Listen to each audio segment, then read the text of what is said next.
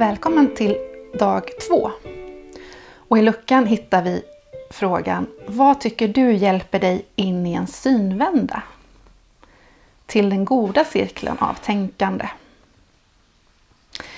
En förutsättning för eh, det lågaffektiva arbetet är ju utgångspunkten att människor gör rätt om de kan.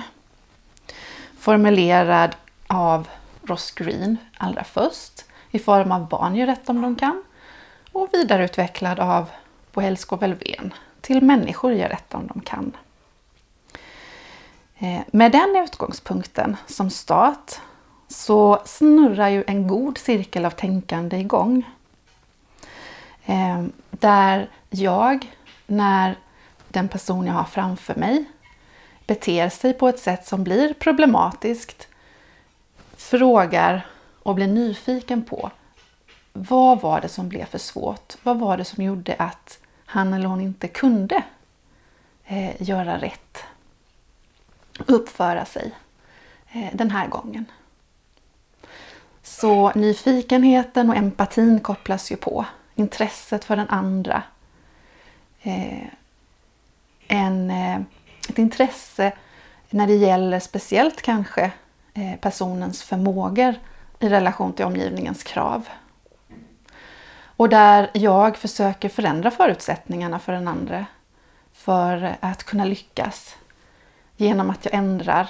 Eh, jag är flexibel, jag kravanpassar. Ehm, och där det mynnar ut i att jag kanske lyckas skapa förutsättningar för personen som jag har framför mig eh, att, att göra rätt.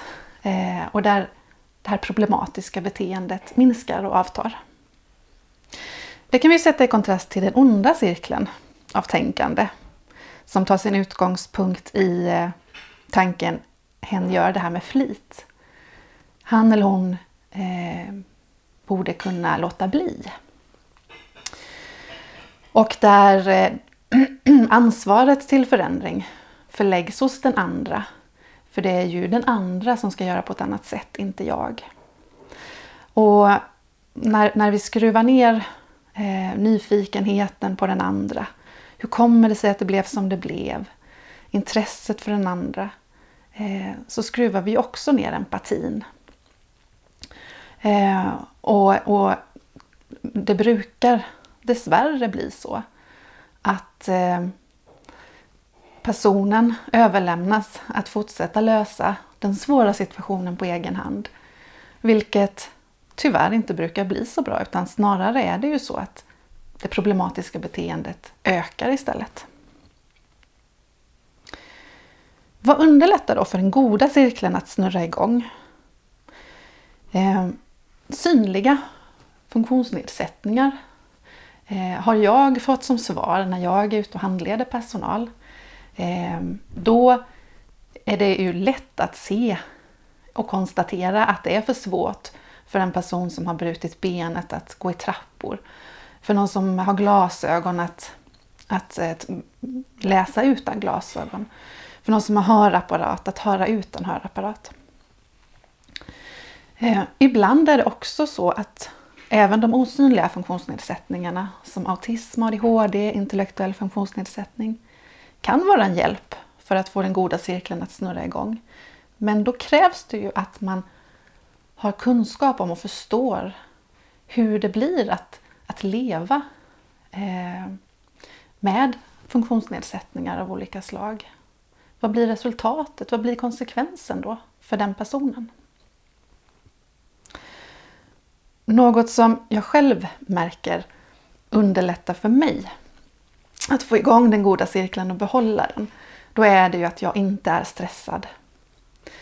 Eh, att jag är närvarande, medvetet, här och nu och kan ta in hela situationen. Jag kan ta in historia, här och nu, framtid. Jag kan ha relationen i fokus.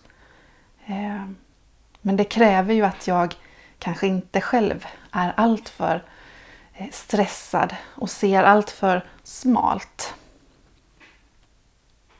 Så min fråga till dig blir ju, vad tycker du hjälper dig in i en synvända till den goda cirkeln av tänkande?